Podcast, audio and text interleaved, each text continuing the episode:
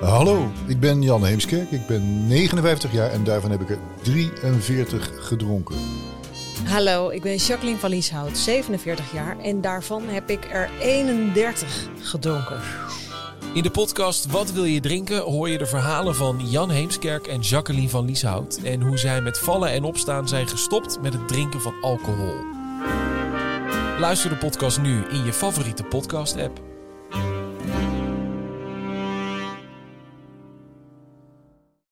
Uh, welkom bij Verrukkelijke Wetenschap. Mijn naam is Daan Snijders, ik ben wiskundige en ik neem u iedere week mee in een zoektocht in de wereld van de wetenschap.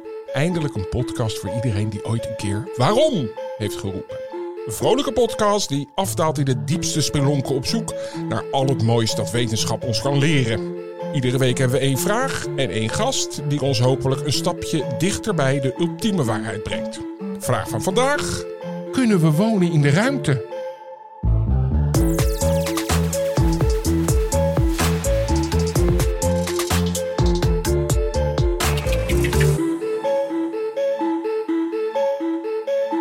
Dan uh, Marlijn niet een beetje in die ISS hangen, weet je wel, dat ruimtestation, maar echt op een planeet. Oh, op een planeet? met een huisje? Of op de maan, of Mars, of Venus. En hoe ver zijn we daar al mee? Ik moest eraan denken, Marlijn, toen ik hoorde over Michael Collins. Die is vorig jaar overleden. Wie is Michael Collins? Vraag ik aan jou. Aan mij? Ja. Never heard of.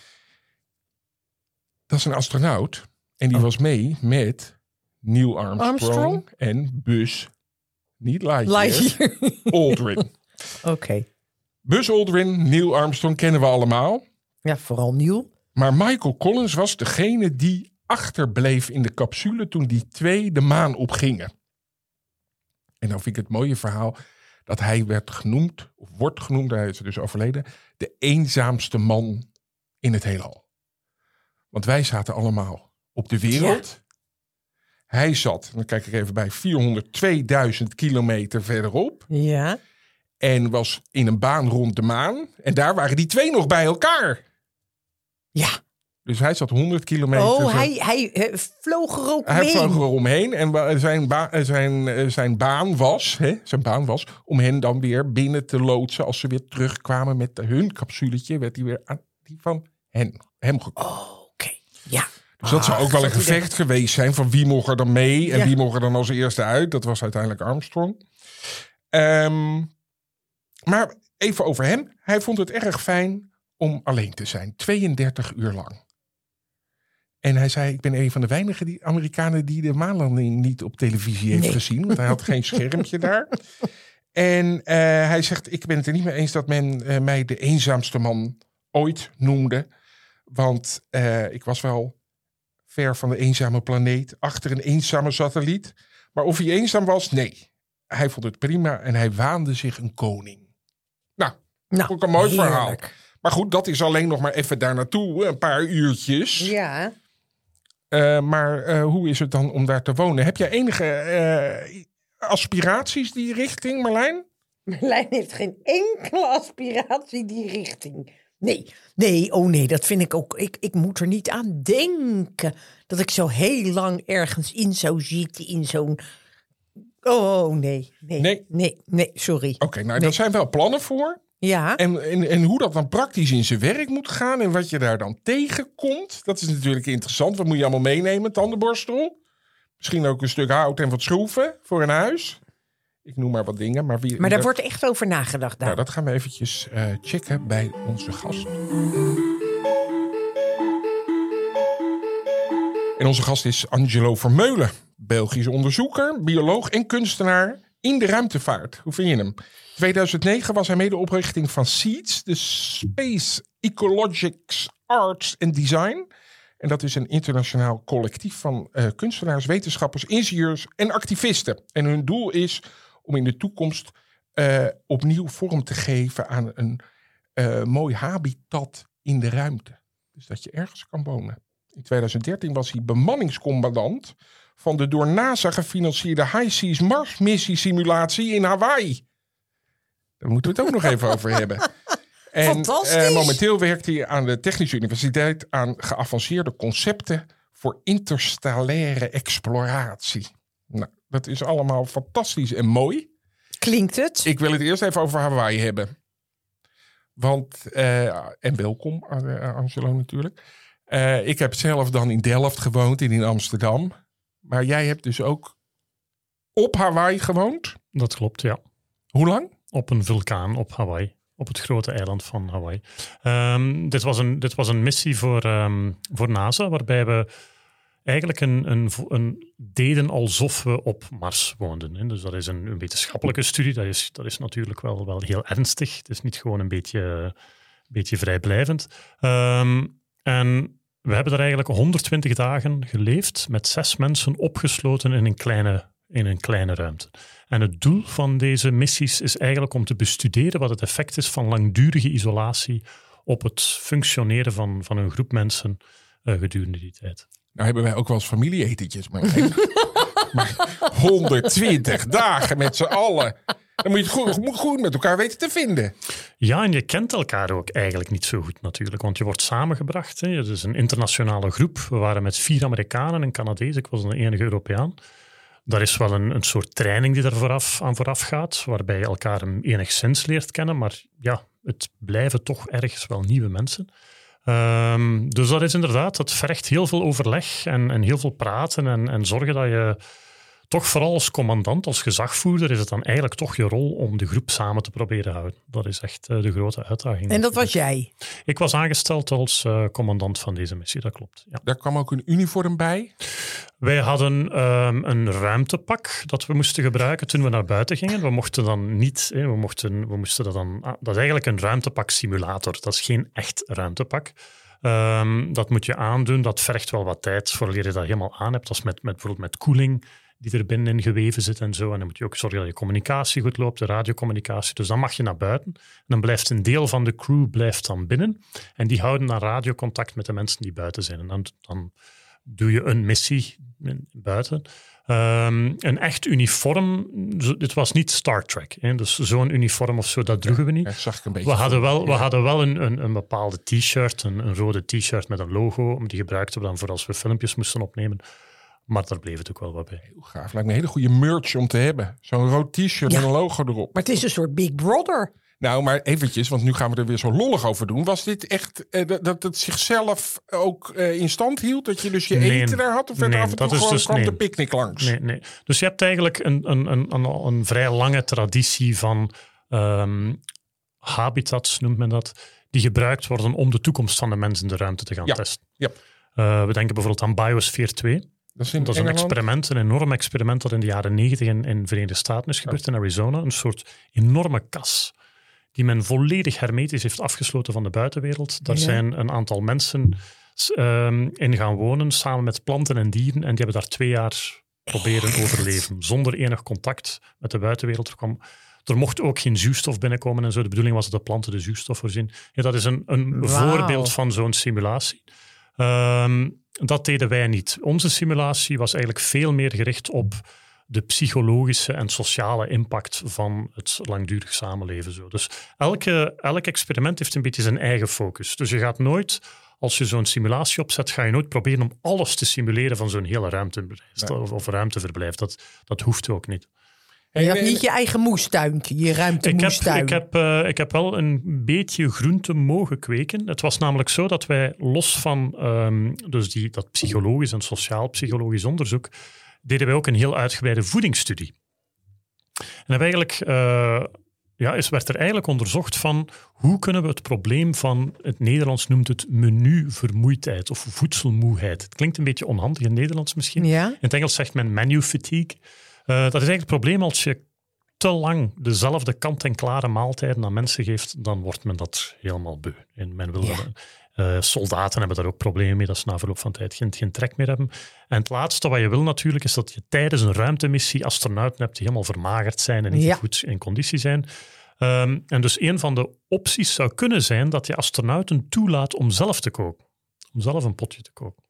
En wij kregen dus die optie. We mochten twee dagen, twee dagen moesten wij astronautenvoedsel eten. En dan mochten we twee dagen improviseren met ingrediënten die we gekregen hadden. Maar we moesten wel, het was een wetenschappelijke studie, alles moest in groot detail genoteerd worden Ja. en geëvalueerd worden.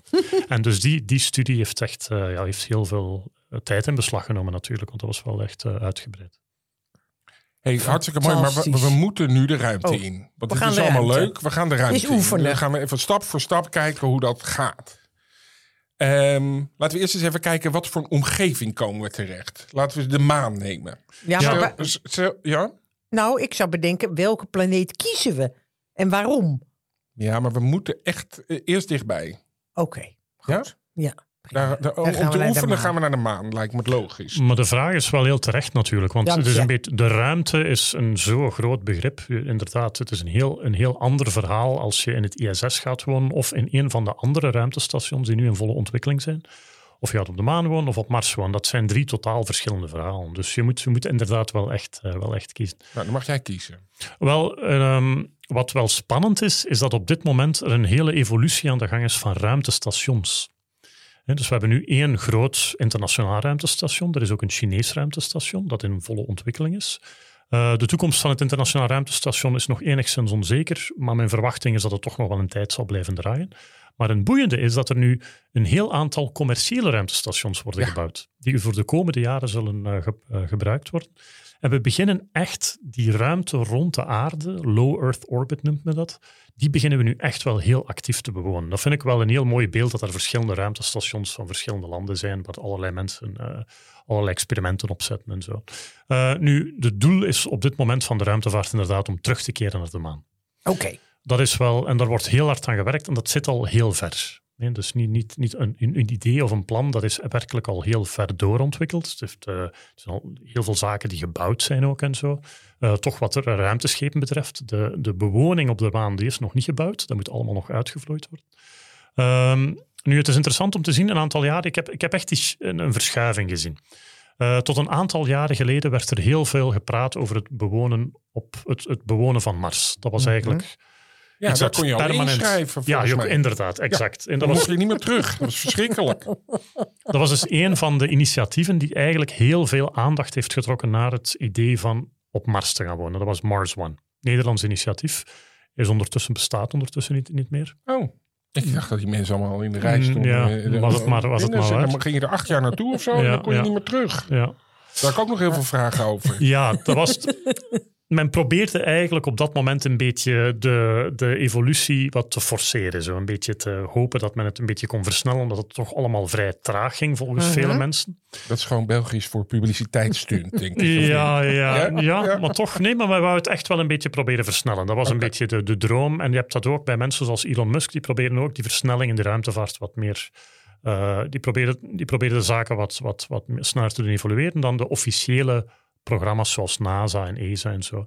Nu, daar is wel een reden dat de officiële programma's van, allee, moet ik zeggen, de nationale programma's, dat die wat trager gaan. Ehm, dat is omdat men natuurlijk geen risico wil lopen. Nee, mensen, zijn geen, mensen zijn geen proefkonijn die ze je maar even kan opblazen. Als je kijkt bijvoorbeeld naar de, de raketten die Elon Musk de ruimte in probeert, of die, die hij test, of die zijn bedrijf test, die dan regelmatig een keer ontploffen, hij kan zich dat permitteren. Ja. Een agentschap zoals NASA kan zich dat niet permitteren. Goed, een aantal jaar geleden heel veel aandacht voor Mars. Plotseling verschoof dat. Werd er gepraat over de maan. We moesten terug naar de maan. Er zijn een aantal redenen voor. Ehm, redenen zijn eigenlijk, de hoofdredenen zijn eigenlijk eh, dat het finan- financieel, technisch en politiek. En dat is wel heel interessant hoe dat die drie eigenlijk allemaal samengegaan zijn. Ehm, men heeft eigenlijk gemerkt, men is, men is toch tot de conclusie gekomen dat het technisch allemaal niet zo simpel is om naar Mars te gaan. Oké. De afstand naar Mars is toch wel niet te vergelijken met de afstand naar de maan. Hè. Dat, dat is echt eh, zoveel keer meer. De maan is iets van een, je hebt het net ook gezegd, van een 400.000 Ja. eh, kilometer. Bij Mars praat je over tussen de 50 tot 400 miljoen ehm, kilometer. Dat is toch een, echt een totaal andere grote orde. En dus bij een Marsmissie ga je eigenlijk een groot deel van je reis in de ruimte zijn. Niet zozeer op het oppervlak van Mars, maar het grootste deel van de reis ga je in de ruimte zijn, waar je eigenlijk intensief wordt blootgesteld aan straling. Dat is geen zeer zware straling. Je moet je daar niks bij voorstellen, zoals een, een radioactief probleem of zo, of een, Tsjernobyl of zo. Maar het is, een, het is een, een, een lagere straling, maar die wel heel permanent, consistent aanwezig is. En we weten eigenlijk niet goed hoe de mens daarop zal reageren. Dus we moeten toch een beetje voorzichtig zijn. Bovendien, en dan komen we bij het kostenplaatje, is het heel duur om naar Mars te gaan op dit moment nog altijd.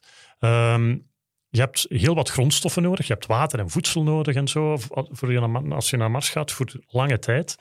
Ga je dat dan allemaal proberen meenemen? Dat is heel moeilijk, want dan moet je een enorm ruimteschip Ja. hebben. Ja, Dat kan, Oh ja, maar dat bestaat, nog, bestaat, ja. dat bestaat nog Ja, niet. Dus je kan, dan, je kan dat, dat eten op voorhand allemaal gaan eh, lanceren. Oh, ja. Maar dat, het, het kostenplaatje wordt te groot. Maar het interessante is, het is niet alleen medisch en, en technisch eh, moeilijk ehm, en, en heel duur. Het is ook omdat China naar de maan ging. Dus China heeft volop ingezet om naar de maan te gaan.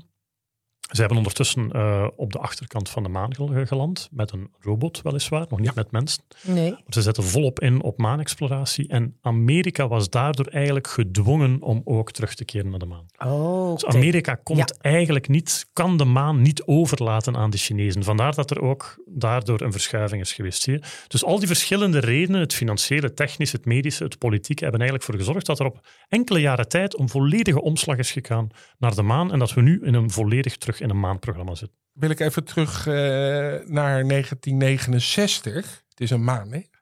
Ja, Ehm, sorry, Ja, sorry. Ik Ja. zat heel lang te denken of ik het moest zeggen, maar ik, denk, ik zeg het Dank je, Daan. voor al die luisteraars. Ehm, Ja. 69. Toen was vlak voor tijd was nog het idee om daar de vlag van de Verenigde Naties neer te Oh. zetten. Dat weet jij ook.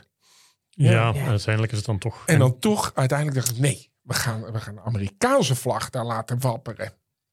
Die ondertussen helemaal uitgebleekt is. Helemaal uitgebleid. Tot een witte vlag. Maar goed, we, we, we- we komen eraan. We zetten dat tentje neer. Daar, daar wil Nou. ik nu echt naartoe. Eh, dat is waarschijnlijk geen goed idee. Zo kijk jij ook. Van waarom Ja. zou er geen tentje? Wat is daar een beetje de omstandigheid om te leven? Ja, Wat zijn daar de gevaren? Je had het al over straling. Ja, op de maan heb je ook veel heb je natuurlijk die intensieve straling. Ook. Je bent minder beschermd door de magnetosfeer die rond de aarde is. Dus een magnetisch veld dat eigenlijk geladen deeltjes netjes afkaatst, waardoor we eigenlijk beschermd worden. Die heb je op de maan, dat effect heb je op de maan al, al veel minder. De maan heeft zelf geen magnetosfeer. Ehm, daar zit ook heel veel UV-straling bijvoorbeeld. Dus Mhm. allerlei vormen van straling bombarderen daar eigenlijk permanent het oppervlak. Dus dat is al een, een heel groot probleem. Los van het feit dat er geen atmosfeer is, er is geen druk. Dus dat is ook al heel gevaarlijk. De temperaturen gaan extreem eh, laag. Ja, vertel daar even over. Over schaduw en zonlicht. Dat vind ik zo mooi altijd. Ja, doordat er natuurlijk geen atmosfeer is, krijg je heel grote extremen. Dus een, een, een lucht zal zorgen dat als een stuk eh, door de zon bestraald wordt en een stuk in de schaduw zit, dat de temperatuur toch een beetje een middenweg vindt. Omdat Ja. de lucht beweegt heen en weer tussen die twee plekken. Op de maan heb je dat niet. Dus als het zonlicht, als iets op de zon, in de zon beschenen wordt, wordt, kan het heel warm worden. Ehm, theoretisch. Maar het is vooral die, die, die, ehm, die donkere plekken, dus die schaduwplekken, die, die gaan natuurlijk tot min 120 of zo. Dus dat gaat wel heel... En dat stap Heel je, kan je echt in één stap van min 120 naar plus 100. Ja, ik, zeg, ik, zeg, ik ga niet zeggen dat, want ik moet opletten wat ik zeg. Het is in de ruimte zo, dus het ruimtestation en ruimtes en satellieten in het algemeen moeten daarmee opletten. Als er een stuk van de satelliet beschenen wordt door de zon dat het heel warm wordt en een ander stuk in de schaduw wordt dan koud, dan kan het allemaal gaan, gaan trekken natuurlijk. Die, die Ja. materialen gaan inkrimpen en uitzetten. Dat moet echt goed voorzien worden, want anders ga je satelliet kapot. Nu is het, op de maan is het nu niet zo extreem. Eh, het is niet dat je daar in de zon loopt en, en, en plotseling eh, honderden graden krijgt. Dat absoluut niet. Ehm, maar er is natuurlijk wel een, een, een verschil, een, gro- een groot verschil. Maar dus los, je hebt natuurlijk die combinatie van die straling, eh, die temperatuur, die extreme temperaturen en het gebrek aan druk, waardoor het menselijk lichaam natuurlijk, ja, dat, dat overleeft niet natuurlijk. Dat, ik denk dat ja, een, minuut, een minuut, minder dan een minuut of 30 seconden voluit en het is afgelopen. Dus het, al, die, al die effecten van die samen gaan Oké. werken. dus maar waarom wordt er dan überhaupt nog nou, een onderzocht? speciaal huisje moet je bouwen. Ja, maar dan kan je toch nooit gewoon... Ik vind dit toch wel... Ik bedoel, het klinkt ontzettend leuk, maar... Maar Maar er zijn wat plannen om, moeten om, we om- daar? om, om voor, voor 500.000 mensen daar eh, de gebouwen neer te zetten, Merlijn. Komen we zo nog op. maar ja, wat moeten we daar? Misschien is, is dit planeet B, hè? Dat zeggen ze altijd. Er is geen planeet B. Ja, ik heb een muts met de No Planet B. Nou, die is er niet. Ja, er zijn natuurlijk inderdaad zijn twee vragen. Hè, van hoe gaan we daar naartoe en waarom gaan we daar naartoe natuurlijk. Maar jij Dank vindt dat ook onzin, toch, Angelo? Dat er een planeet B zou zijn? Ehm, niet? ik, vind, ik, vind, ik vind het argument om naar de maan en Mars te gaan, eh, om dat als argument te gebruiken van we lopen het risico om uit te sterven, dus we moeten een backup maken, Mhm. Vind ik, een, vind ik een bijkomend argument. Maar vind ik, is voor mij persoonlijk geen hoofdargument. Ik vind het een beetje een, het is een heel negatief beeld dat je oproept eigenlijk van de toekomst van de mensen. Vind ik een beetje, ja. Dus ik, ik, ik zie het meer als. ehm, ik denk dat het gewoon echt in de aard van de mens. Het, ik, denk dat niet alleen. Het zit gewoon in de aard van de mens om onze plek in de kosmos te gaan zoeken. Dat doen we al van zodra we op aarde verschenen zijn, duizenden jaren geleden, tienduizenden jaren geleden. Ehm, in het begin was dat op een, op een heel andere manier natuurlijk, door naar de sterren te kijken en er allemaal verhaal rond te, rond te weven. Mhm. En nu hebben we de mogelijkheid om ons, om ons fysiek en, en, en mentaal in die ruimte te begeven, om verder ons, ons, ons- onszelf te zoeken en onze plek in, die we in, in de kosmos te zoeken. Ik vind het gewoon puur, het pure, eigenlijk spirituele en de zingeving van het mens zijn, vind ik heel, een, een heel belangrijk onderdeel van, van de ruimtevaart. En dat kan je niet altijd zo heel wetenschappelijk neerleggen natuurlijk. Zo'n Nee. verhaal van we moeten een, een, een backup plan hebben, ja, dat is een heel wetenschappelijk Mhm. verhaal en dat Ja. kan je goed verkopen. Maar voor mij zit er toch ook iets heel cultureel in. Iets, heel, eh, iets veel dieper, iets veel fundamenteel menselijker. Dat eigenlijk een grote drijfveer is van die zoektocht van de mens naar zijn rol. In, en, en in die onmetelijke ruimte. We Ja. zijn echt bacteriën natuurlijk in die onmetelijke ruimte. Dus ik vind, dat, ik vind dat ook heel mooi. Dat is een beetje, voor mij, ik ben ook kunstenaar, ik ben onderzoeker en kunstenaar. En dat is een beetje dezelfde vraag van, ehm, waarom maak je kunst? Ja, daar kan je ook, je kan dat proberen een rationeel verhaal rond op te bouwen, dat het allemaal voordeel heeft voor het overleven van de mens en zo. Maar de essentie van de kunst is toch iets heel anders, iets, iets, iets heel diep, wat ongrijpbaar. En ik vind het verkennen van de mens, de verkenningsdrang van de mens, vind ik eigenlijk in dezelfde grote orde. Dat ligt in dezelfde domein. Dat is die zingeving die de mens zoekt. En dat vind ik heel belangrijk en mogen we niet zomaar eh, ration- rationaliseren en opzij schuiven. Nogmaals, het zijn verschillende argumenten die samenkomen natuurlijk. En ik weet, er bestaat veel kritiek ook op de ruimtevaart. Hè. Er zijn natuurlijk, we zitten met een planeet die in brand staat. Er zijn mensen die zeggen, waarom gaan we in godsnaam investeren in ruimtevaart? We zijn de planeet aan het kapotmaken. Hoe zouden we niet eerst de planeet moeten? We hoeven geen vragen meer te stellen. 100 miljard gaat er naartoe. Zo, dat Ja. soort orde van grootte. Ja, nee, ga door. En dus de vraag, de vraag is inderdaad van, ja goed, waar, waar liggen onze prioriteiten? En dan wil ik de mensen toch even herinneren van, wij hebben eigenlijk klimaatverandering ontdekt dankzij de ruimtevaart. Het is door die observaties, door dat netwerk van satellieten, door al die wetenschappers en ingenieurs, dat we beginnen inzien zijn wat er op een planetair niveau gebeurt. Ja. Je kan anders geen greep krijgen op de planeet natuurlijk. En het is ook met die ruimtevaart dat we de wereld zullen kunnen, kunnen, ervoor kunnen zorgen. Dat we dat we kunnen, kunnen meten en kunnen bijsturen, hopelijk op termijn. Als we ons verstand gebruiken als, een, eh, als, een, als de mensensoort Ja. daar het toe in staat is. Ja. Dus die ruimtevaart is echt een vast onderdeel geworden van onze beschaving. Je kan dat niet meer lostrekken. Maar goed, even terug. Ik wil even terug naar, die, naar het verhaal van hoe gaan we nou naar de maan. Ja, Laten we gaan even, naar de focussen, maan. even focussen op de maan. De Er zijn eigenlijk, gepakt. er zijn eigenlijk een, een, een aantal opties. Er zijn eigenlijk drie opties en die worden jammer genoeg in de media vaak volledig door elkaar gehaald. U luistert nog waardoor- steeds naar verrukkelijke wetenschap. Wij ontwarren de boel. Ja, En dus het, het eerste, de eerste manier is eigenlijk wat je gezien hebt bij het Apollo-programma. Dat is eigenlijk op bezoek gaan. Je hebt een ruimteschip, je landt het ruimteschip, je blijft een tijdje kamperen in het ja ruimteschip ze en je gaat helemaal niet wat ze moesten doen. Ze gingen geloof ik een beetje golfballetjes slaan. Ja, dat is onder andere. Ja, ja, Ik denk dat ze wel genoeg werk hadden hoor. Astronauten hebben doorgaans zeer Ja, veel werk. Daan. Ja. Nee, ik doe daar niet... eh, maar, ja, maar er is natuurlijk niks te doen. Laten we Nee. wel wezen. Nee. Maar goed. Nee. Ja. Ehm, dat is de eerste optie. Ja. Je hebt dan eigenlijk een ruimteschip land, gaat weer terug. Dat is een beetje kamperen. Tweede optie is dat je een wetenschappelijk onderzoeksstation bouwt. Een beetje zoals in onze poolgebied. Ja. Dat hoeft dan niet permanent bewoond te zijn, maar er kunnen wel wetenschappers en onderzoekers een tijdje gaan wonen om, eh, om onderzoek te doen en dan met die resultaten terug te keren. Het derde verhaal, en dat is het verhaal dat natuurlijk de media zeer gemakkelijk haalt, en is het verhaal van kolonisatie. Een beetje een, een zwaar, zwaar woord natuurlijk, want er heeft heel veel negatieve bijklank vandaag de dag ook. Ehm, dat is een heel ander verhaal. Bij kolonisatie denk ik dan toch eerder aan een groep mensen die daar semi-autonoom, dus zelfstandig, Ja. leven. Dat wil zeggen dat die eigenlijk een economie hebben die, waar ze door zichzelf toch deels kunnen financieren. Dat ze hun eigen voedsel maken, Ja. eigen zuurstof, een eigen water zuiveren en zo. Dat daar eventueel kinderen worden geboren. Dus dat is, dan praat je over een kolonie. Ja. En dat is absoluut nog niet mogelijk. Dat is werkelijk, dat zit nog zeer ver weg. Maar je merkt soms dat men, als men praat over zo'n missie naar de maan, dat men onmiddellijk denkt dat er Ja. een kolonie gaat gesticht Ja, worden. twintig is torenflats en we zijn Ja. er. Daar gaan En dat wij ook vanuit, eerlijk Ja, gezegd, wij twee. ik Hè, ja. Want ik heb wel gelezen dat dat rond 2100, dat, dat, dat is 80 jaar. Ja, dat, dat lijkt mij een haalbare... Nou, dat Piste. vind ik best wel snel. Nou, toch? dat Ja. vind ik ook. Nee, nee, nee, dat lijkt me een haalbare is dat je- kolonisatie. Ja.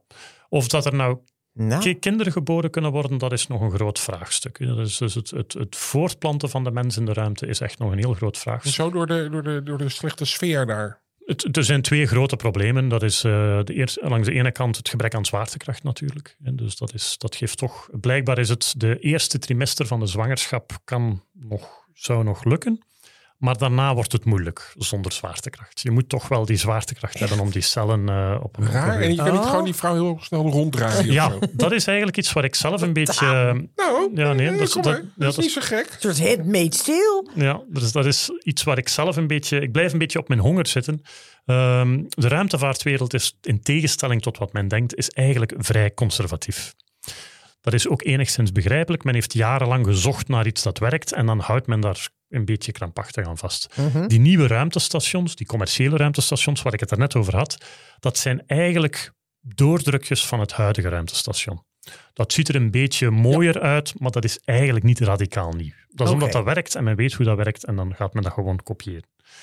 Waar ik op zit te wachten is- zijn de ruimteschepen zoals we die kennen uit de oudere science fiction films, wat jij net, eh is uit dat aanhaalde, ronddraai- ja. dat er een onderdeel van dat ruimteschip ronddraait. En dan creëer je eigenlijk artificiële zwaartekracht. Ik denk aan de beroemde scène van de, de science fiction film 2001 A Space Odyssey, waarin de astronaut aan het joggen is en eigenlijk in een, in een soort van eh, ronddraaiende, Fantastisch. Ken je dat, een Marlijn? ronddraaiend beeld mooi. eigenlijk. ehm, nee. je ziet hem lopen en dan loopt hij in een, in een, in een ehm, hoe moet ik het zeggen, een soort cilinder naar boven. Dan zie je hem op het plafond lopen en dan komt hij helemaal Ja. terug. Maar die blijft dus tegen die wand kleven omdat het ding ronddraait. En dit, volgens mij gaan we dit moeten ontwikkelen als we mensen langere tijd in de ruimte willen brengen. Ehm, nu goed, als we dan terugkeren naar de maan, hè, je, hebt dan, je wil dan een, een, een, een, een verblijf bouwen, of het nou voor een kolonie is of voor een, een wetenschappelijke basis, doet er niet toe. Dan heb je wel een aantal dingen waar je voor moet zorgen natuurlijk. Enerzijds die bescherming tegen die straling, waar ik het daarnet over had. Ik denk aluminiumfolie zelf. Ja, ja je zal wat, wat meer nodig hebben. Want op de maan is er geen atmosfeer.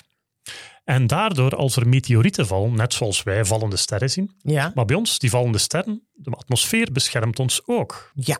Want die vallende sterren die gaan door de atmosfeer, die verhitten en die branden op. En er zijn er enkele die op de aarde komen, dat noemen we dan een meteoriet. Ja, weten wij. Hebben wij van geleerd. Maar de meeste die branden op. Op de maan heb je dat niet. Nee, Oh, dat kan je ook zien aan die pokdalige snoet van hem. Oh, die kratertjes. Dus Ja. alles, ehm, Geloof alles, je meteen. Dus alles komt gewoon rechtstreeks op de maan. Dat betekent Ja. dus dat je eigenlijk voor toch wel het risico loopt dat er iets door de wand van je, Oké. Van je folie Ja. eh, Van je zal gaan. Dus je moet wel Ja. een beetje meer, eh, meer bescherming, voor bescherming zorgen. Nu, met deze uitdaging om een huis te bouwen op de maan zijn ruimtearchitecten bezig. Space architects. Oké. Dat is eigenlijk een domein dat ik zo de laatste tien jaar echt helemaal heb zien openbloeien. Er zijn nu wereldwijd mensen die met ruimtearchitectuur bezig zijn en die eigenlijk concepten bedenken om habitats en huizen te bouwen op de maan of en op Mars. En het mooie is dat zij, zij richten zich vanuit een duurzaamheidsprincipe heel erg, kunnen we de lokale grondstoffen gebruiken om iets te bouwen, in plaats van al dat materiaal, al die materiaal te moeten, eh, te moeten verslepen van op aarde. Is dit een tijd om, om jou meegebracht te Ja, eventjes? ja. Want wat, wat ik daar ook aan leuk... Ik weet even niet meer hoe die heette, want ik heb daar wel iemand gesproken die dat ook had gemaakt. Die had een soort kerkachtig iets. eh was een Zuid-Amerikaan. Maar goed. Ja, Maar die, eh, die vertelde dan ook andere regels. Je kan dingen bouwen die je niet op aarde kan bouwen. Omdat de zwaartekracht, Zwaartekracht anders, anders is. is. Hè? Dat vond ik ook nog interessant. Ja, ja klopt, Dat je klopt, dus, klopt. dus een soort slappe boog die hier meteen in elkaar zou donderen. Maar betekent het... Wacht even, jongens, want ik ben nog steeds... ik word heel enthousiast van, Marlijn. Vind ik heel leuk. Maar die zwaartekracht die ontbreekt, betekent dus dat ik... Wat gebeurt er dan als ik op die maan... Dan ga ik zo... Huw, Je kan acht keer zoveel springen, zoiets. Oké. Ja, je wordt een soort kangeroe. Ja. Zoals De- Neil maar- Armstrong. Er is wel wat zwaartekracht op de maan natuurlijk. Iets Oké. van een 16% denk ik of zo. je Maar- valt er niet van af. Nee, dat wordt moeilijk. Om van de maan te springen, dat wordt moeilijk. Met eigen kracht. Dat is niet zo evident. maar oké. ehm, dus je zit min of meer vast. ja, ja, dat wel, absoluut. Ja, maar eh, Angelo, je hebt wat bij je. Laat Ja, even inderdaad. zien. Dat vond ik zo leuk. We hebben, het- we hebben het daar net al eigenlijk al over, over gehad. Het is ehm, een schaalmodel, een 3D-print schaalmodel van het habitat waarin ik 120 dagen heb geleefd. Oh, daar zat jij in. Ja, daar zat ik dus Op in. Hawaii. Op Hawaii, ja. Op, Op een een, vulkaan. Op, op een van de grote vulkanen, en dit is gemaakt door een ruimtearchitect. Dit is gemaakt door de ingenieur van, mijn, eh, van ons team, van onze, van onze ploeg, van ons team. Ehm, en wij hadden daar een 3D-printer en dat was een van de zaken die hij daar ter plekke ge-3D-print heeft. Ja. Want dat willen ze ook in het groot doen. Hè? Echt met een grote 3D-printer. Exact, ja. En dan eh, dus dit soort huizen op, op ware grootte. En omschrijf Daar het maken. even zonder het woord Eskimo te gebruiken deze keer. Wij zeggen elke uitzending Eskimo in plaats van Inuit. Ja. Ik weet ook Nee, het is een iglo. maar het lijkt... Ja, het is een Het lijkt een beetje op een iglo, inderdaad. Het is eigenlijk een, ehm, een, Prachtig. een Buckminster Fuller eh, koepel. Hè. Dus Buckminster Fuller, de Amerikaanse ontwerper-architect, dat is eigenlijk de eerste die met dit soort koepels eh, aan de slag is gegaan in de jaren 50. En dan zit er 60. een gang voor. Waarom? Die gang is eigenlijk een soort eh, container. En daar lagen onze voorraden, voedselvoorraden en stond ook al wat eh, apparatuur eh, die aan het draaien was in die container. Het is eigenlijk een habitat dat je makkelijk kan opbergen, want je mag eigenlijk geen permanente gebouwen bouwen op die vulkaan. Eh, dus eigenlijk een soort tijdelijke, tijdelijke opstelling. Maar het klopt wat Daan daarnet zei, en dat is een interessant punt, waar ik daarnet ook over wou beginnen. Ehm, als je praat over het gebruiken van lokale grondstoffen om een habitat te bouwen, dan denkt men in eerste instantie aan het 3D-printen van een habitat. Dus men wil eigenlijk die grond van de maan of van Mars gebruiken om te gaan 3D-printen. Eigenlijk met enorme printers eigenlijk een huis te printen. Op dit moment hier op aarde wordt dat al gedaan. Wordt- Gaat men bijvoorbeeld met beton 3D-printen. Dat is volop, eh, volop in ontwikkeling. Eh, Het is natuurlijk heel interessant hoe dat je dat zou kunnen, hoe dat je dat kan doen op maan en Mars. En er zijn een aantal opties. Je kan bijvoorbeeld die grond nemen van, van Mars en je kan die met een grote hitte versmelten en dan, dan klit dat aan elkaar. Dan kan je zo'n soort oké. van kan je eigenlijk een structuur bouwen. Of je kan een soort lijm meenemen. Dat kan eventueel ook een plantaardige lijm zijn, van planten die dan er ter plekke kweekt. En die lijm vermengen met de grond en dan ook zo gaan printen. Er zijn een aantal opties hoe je dat kan eh, gebruiken. Maar daar wordt volop onderzoek rond gedaan. Ik ben bijvoorbeeld in de Verenigde Staten in een plek geweest in het Kennedy Space Center. Het noemt Swampworks. En daar doet men eigenlijk hoofdzakelijk onderzoek rond het gebruik van maangrond. En men heeft daar dus echt een tentoonstelling, bij wijze van spreken, van allerlei experimenten en robots die maangrond gebruiken om allerlei dingen te bouwen. Dat was echt fantastisch om te zien. Ik mocht geen foto's maken, Oh. jammer genoeg. Nee. Maar ik heb er wel heel veel van geleerd om, eh, om daar even rond te mogen kijken. Maar, maar wat zag je dan al? Eh, Ja, dat is heel interessant. Fotografisch geheugen. Ja, een van de dingen die wel bijbleef was een... een die, en die robot die kan je wel op internet terugvinden. Dat is een speciale robot. Het is namelijk zo dat door die lage zwaartekracht waar we het daarnet over hadden, Ja. die 16% of, Mhm. of zo. Stel je voor dat je een bulldozer brengt naar de maan. Ja. Je denkt, goed, dan kunnen we graven, dan kunnen we met die grond kunnen we wat gaan doen. Die bulldozer die duwt zichzelf weg door het gebrek aan zwaartekracht. Dus die kan niet graven. Nee.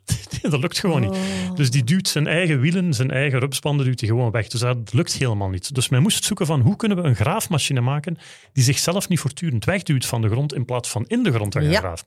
En heeft men iets gevonden dat eigenlijk een soort robot die eigenlijk aan twee kanten tegelijk gaat graven. En daardoor blijft hij vastzitten en kan die effectief gaan graven. En dat is eigenlijk, eh, dat bestaat en dat werkt zeer goed. Dus een van de zaken die men er ontwikkeld heeft. Hoe ver zijn we hier nou mee? Want we, we hebben die Lunar eh, Orbiter, heet die? Heet dat zo? De Gateway. Lunar Gateway. Dat, eh, dat, dat, dat staat al helemaal in de planning, Marlijn. Dat is ja. dus een, een, een, eh, een, een, eh, eigenlijk een, een space station, net zoals de IS, Ja? ISS, maar dan rond de maan. Dus die gaat vanaf daar. En dan moeten daar vandaan die robots gestuurd worden.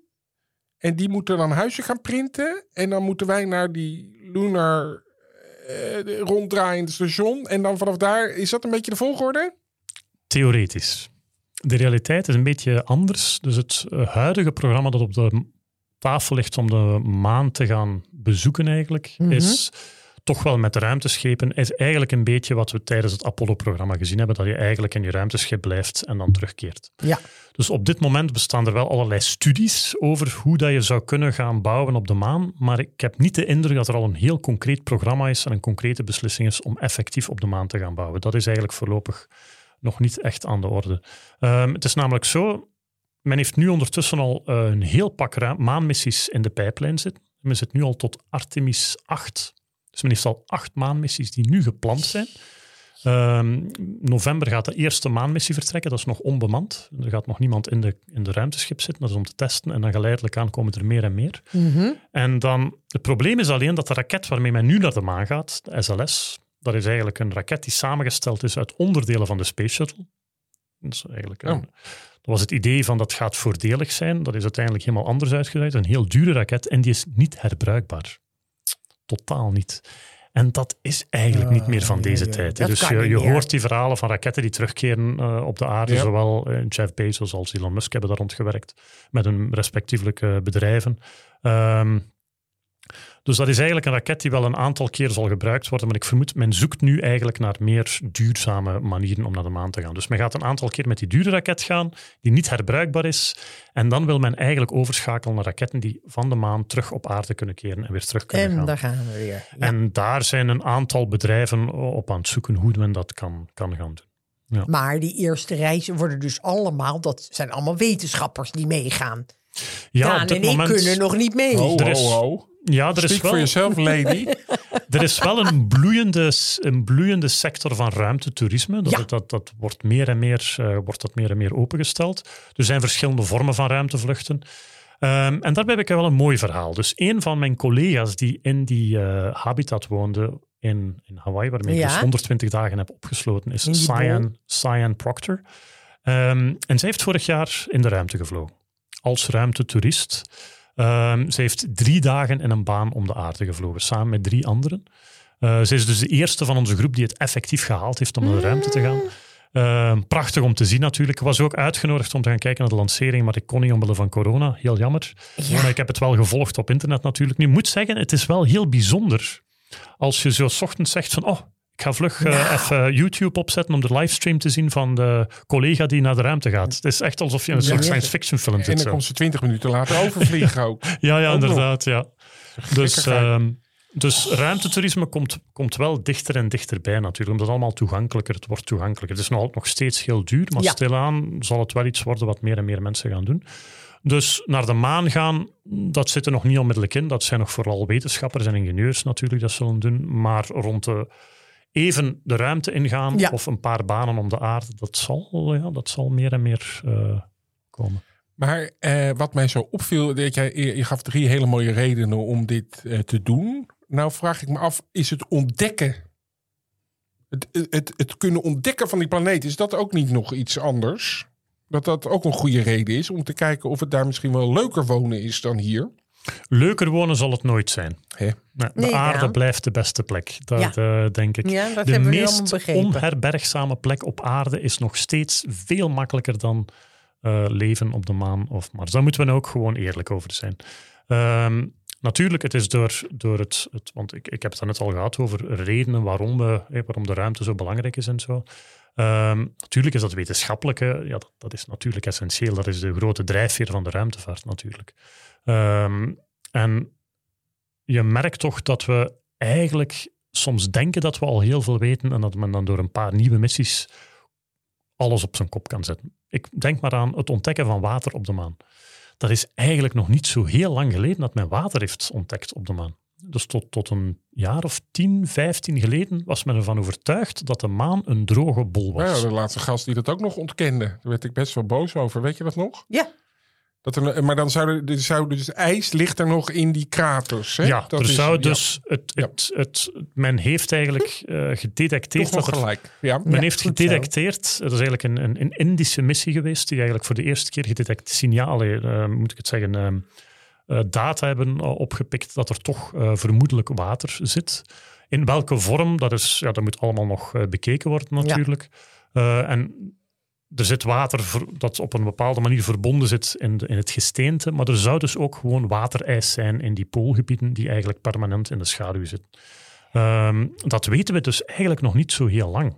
Zie je? Dus men, en dat, al die inzichten, ook de inzichten rond Mars, zijn enorm geëvolueerd natuurlijk. Als je kijkt naar die foto's van Mars, dat is werkelijk die, de scherpte en de, Ja. de fenomenen, de geologische fenomenen die daar zien gebeuren, is zo boeiend. En zoals Mars en Venus, dat zijn eigenlijk planeten die heel erg lijken op de aarde. En daardoor begrijpen we de aarde ook natuurlijk. En Venus is eigenlijk een soort van eh, klimaatopwarming die compleet uit de hand gelopen is. Zie? Dus dat is eigenlijk echt intense klima- klimaatopwarming, een heel dense atmosfeer met enorme hoge temperaturen. We kunnen niet op het oppervlak van Venus gaan op dit moment, tenzij dat we in de toekomst een magisch materiaal vinden dat tegen honderden en honderden graden Celsius kan. Ja. Ehm, maar heel interessant, ik, ehm, ik ben enkele weken geleden op een, de grootste ruimtevaartconferentie geweest in Parijs. En daar heb ik gehoord van ehm, collega's van het hoofdkwartier van NASA dat men aan het overwegen is, het is nog in een vroeg stadium, Mhm. om mensen naar Venus te sturen. U hoort het hier voor het eerst. Mensen dat hebben- naar Venus? absoluut, ja, ja. Nooit in de media geweest, Nee, jongens. nee, dus, dus het is echt absoluut nieuw. Ehm, het was ook de eerste keer dat men eigenlijk naar buiten gebracht heeft. En het is namelijk zo dat men eigenlijk ontdekt heeft dat ehm, toen men... Het is puur wiskunde. Het is puur ge- gebaseerd op wiskunde. JPL, een van de belangrijke plekken waar robotica ontwikkeld wordt voor de ruimte van NASA. Men, als men missies ontwierp, dat zijn dan banen die men berekent, opnieuw met veel wiskunde, Mhm. ging men er eigenlijk nooit van uit dat het toestel moest terugkeren naar de aarde. En men heeft eigenlijk onlangs bij wijze van oefening een keer een berekening gedaan van laten we een keer een baan berekenen die dan, waarbij het dan terugkeert naar de aarde. Ja. Waarbij bijvoorbeeld mensen een ruimteschip een aantal keer rond Venus vliegen en dan terugkeren. En dat blijkt een zeer efficiënte missie te zijn. Je kan eigenlijk op een jaar tijd naar Venus gaan, daar een hele tijd rond Venus cirkelen en terugkeren. Is eigenlijk zelfs makkelijker dan naar Mars te gaan.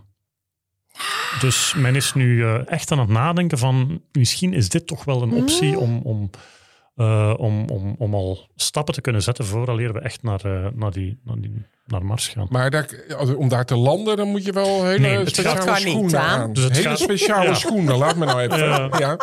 Het gaat daar niet over landen, maar men is wel geïnteresseerd natuurlijk om eh, robots te laten landen die men dan vanuit dat ruimteschip zou kunnen besturen. Ja. Ja, we bent Ja, er dan eigenlijk met Venus. Tja, Daar hebben we Venus er. Ja, mooi. Ja. Ja. Ja, die vind ik, daar zou ik nog wel een jaar omheen willen cirkelen. Dat vind ik nog wel een leuke. Ja. Mars hoef ik niet, niet. En de maan ook niet. Maar dit wel. Ja, de maan lijkt me wel mooi. En de ruimte. Gewoon De, maan heeft, de maan heeft wel, heen, heeft wel één heel centraal groot probleem. En ik weet niet hoe we dat moeten oplossen. Die En hele, dat- hele, dunne, hele dunne stof, of niet? Exact. Die heel scherp is. En die gaat gewoon overal doorheen. Door je maanpak. Ja. En dat heb je niet op, op Mars bijvoorbeeld. Op Mars is, zijn, is de grond, net zoals op aarde, is verweerd door water en, en de wind. Dus alle kleine microscopische zanddeeltjes zijn afgerond. Dat is veilig. Maar op de maan niet. En dus al die spelden prikken. spelden prikken. En die gaan natuurlijk, die, klit, die klitten samen en die, gaan, die maken eigenlijk scharnieren en technologie kapot. Die, eh, maar, heel belangrijk ook, ehm, als die in je longweefsel terechtkomen, kan het zeer eh, gevaarlijk zijn ook. Dus dat is echt een, eh, dat is echt een, een probleem. Maar jij hebt nu heel erg gezegd van het is fantastisch dat we dit allemaal doen. Maar eigenlijk heb ik nou nog steeds niet heel erg de ambitie om daar op die maan te gaan zitten. Ik heb het, het, het ontwikkelen en het willen en het bekijken. Dat vind ik wel. Dat snap ik dat het allemaal heel intrigerend is. Ja. Maar, de, Maar het dagelijks leven. Het Als uiteindelijk de daar naar de je- HEMA toe gaan, dat lijkt Ja, me. ja, ja. Dat is, maar ja, dat zie jij ook dus niet echt heel snel gebeuren. Dat komt allemaal. De twee grote uitdagingen in de ruimtevaart zijn eigenlijk ehm, het leven in de ruimte, dus het, het menselijk lichaam in de ruimte. Hoe, hoe, ja, hoe, hoe kunnen we er beter beschermen, onszelf beter beschermen? En hoe kunnen we ons vlotter transporteren in de ruimte? Want het duurt nu allemaal wel vrij lang. Dus bestaan er technologieën waarbij we een beetje vlotter kunnen heen en weer bewegen Ja. tussen die verschillende plekken? En bestaan er manieren waarop we het menselijk lichaam, misschien door genetica ook, wat beter kunnen beschermen tegen, eh, tegen die ruimtecondities? Maar, maar, maar nog even de stelling. Oh. In 2100 gaan er 250.000 mensen op Mars wonen in een grote koepel. Waar alles ook, eh, ik zie een soort, eh, soort Hof van Ede voor me dan, hè, met vogeltjes, die nemen we ook mee. Ja, maar dat opgesloten, nou krijgt er is een hele grote benauwd. koepel. Nee, dat zou me niets kunnen schelen. Maar het feit dat je Niet niet... voor iedereen natuurlijk. We hebben het ook Nee. meegemaakt met de pandemie natuurlijk, hè, met, met de coronapandemie. Dat, Ja, dat is waar. dat Dat hebben we is echt ook. wel allemaal Maar, meegemaakt. maar, maar die stelling van mij, dat is, de, de, de- dat is- nog eventjes, het zou kunnen. Maar dat is een wilde, een wilde gok. Dat is op niks echt berust. Dat is meer wishful thinking. Dat is meer hopen dat het zo zal zijn dan dat er echt een plan voor is. Ik zeg het, die maanplannen die zijn heel reëel. Ja. Dat maanstation waar we het daarnet over hadden, dat is in volle ontwikkeling. Dat is allemaal heel reëel. Maar alle voorspellingen over Mars, over steden op Mars en zo, dat is compleet eh, een beetje uit de duim gezogen. Dat Hey, is, en eh, Angelo, ga jij nou zelf nog eh, de ruimte in? ik, ben, ik wil wel gaan, ja, inderdaad. Ja. Ik ben wel aan het kijken naar opties om naar de uh, ruimte te gaan. Oh. En aan het sparen? Sparen of samenwerken. Of ik, zal, ik zal het niet zelf kunnen, helemaal kunnen betalen. Zo rijk ben ik niet en word ik niet. Maar, ehm, Ik kom wel naar de lancering kijken. dan. Ja, Ah, wij, wij komen. Dat, dat wil ik echt een keertje zien. Oh, Hey, ontzettend bedankt en heel veel eh, Oei, voedsel oei, oei. om na te denken. Wacht En even, hier is je, je woning. Ik pra- praat nog even naar mijn zus. Ja. Oh, ik ben wel ineens gegrepen. Ja, hè? Sorry. Eh, wie zou je meenemen, Marlijn? Want je moet daar Nou. beginnen met z'n vijven bijvoorbeeld. Nou ja, ik zou maar wel mijn vriendin meenemen. Vriendin? Kan dat? Ja? En ik Nog zou... een timmerman of zoiets? Oh, je, je moet, moet ook misschien- nadenken. Ja, je moet nadenken. Nou, dan zal ik eh, een, een, een, een goede, goede moestuinbeheerder meenemen. Omstaanbeheerder? Misschien Ja. iemand met een medische achtergrond? Nee? Ja, als je buikgriep krijgt. Daan, ik neem ook iemand met een medische achtergrond Ik zie dat mee. echt zo voor me met zo'n grote koepel. En dat je dan ook begint met eerst geen geld. Oh. Je hebt ook geen geld meer nodig. Oh. Je wisselt gewoon twee varkens voor een kip. Ja. Nou, dat is een hele slechte Nee. deal trouwens. Oh, twee ik- kippen voor een varken. Ja, nee, ik krijg het wel helemaal benauwd. Want eh, natuurlijk zijn we met corona wel thuis geweest, maar ik kon altijd gewoon naar buiten en lopen. Ik zou gewoon die natuur missen. Ja, maar misschien kan je dat dus maken onder zo'n hele grote biodoom. Nou, ik, het, het, misschien, misschien. Laat ik het nog maar niet helemaal Maar ik zit ook altijd te denken dat je natuurlijk zoveel mogelijk op de wereld gaat laten lijken. Dat hoeft eigenlijk helemaal niet. Je moet het eigenlijk Nee, je gewoon moet op Mars gewoon een, nieuw, een nieuwe leefomgeving.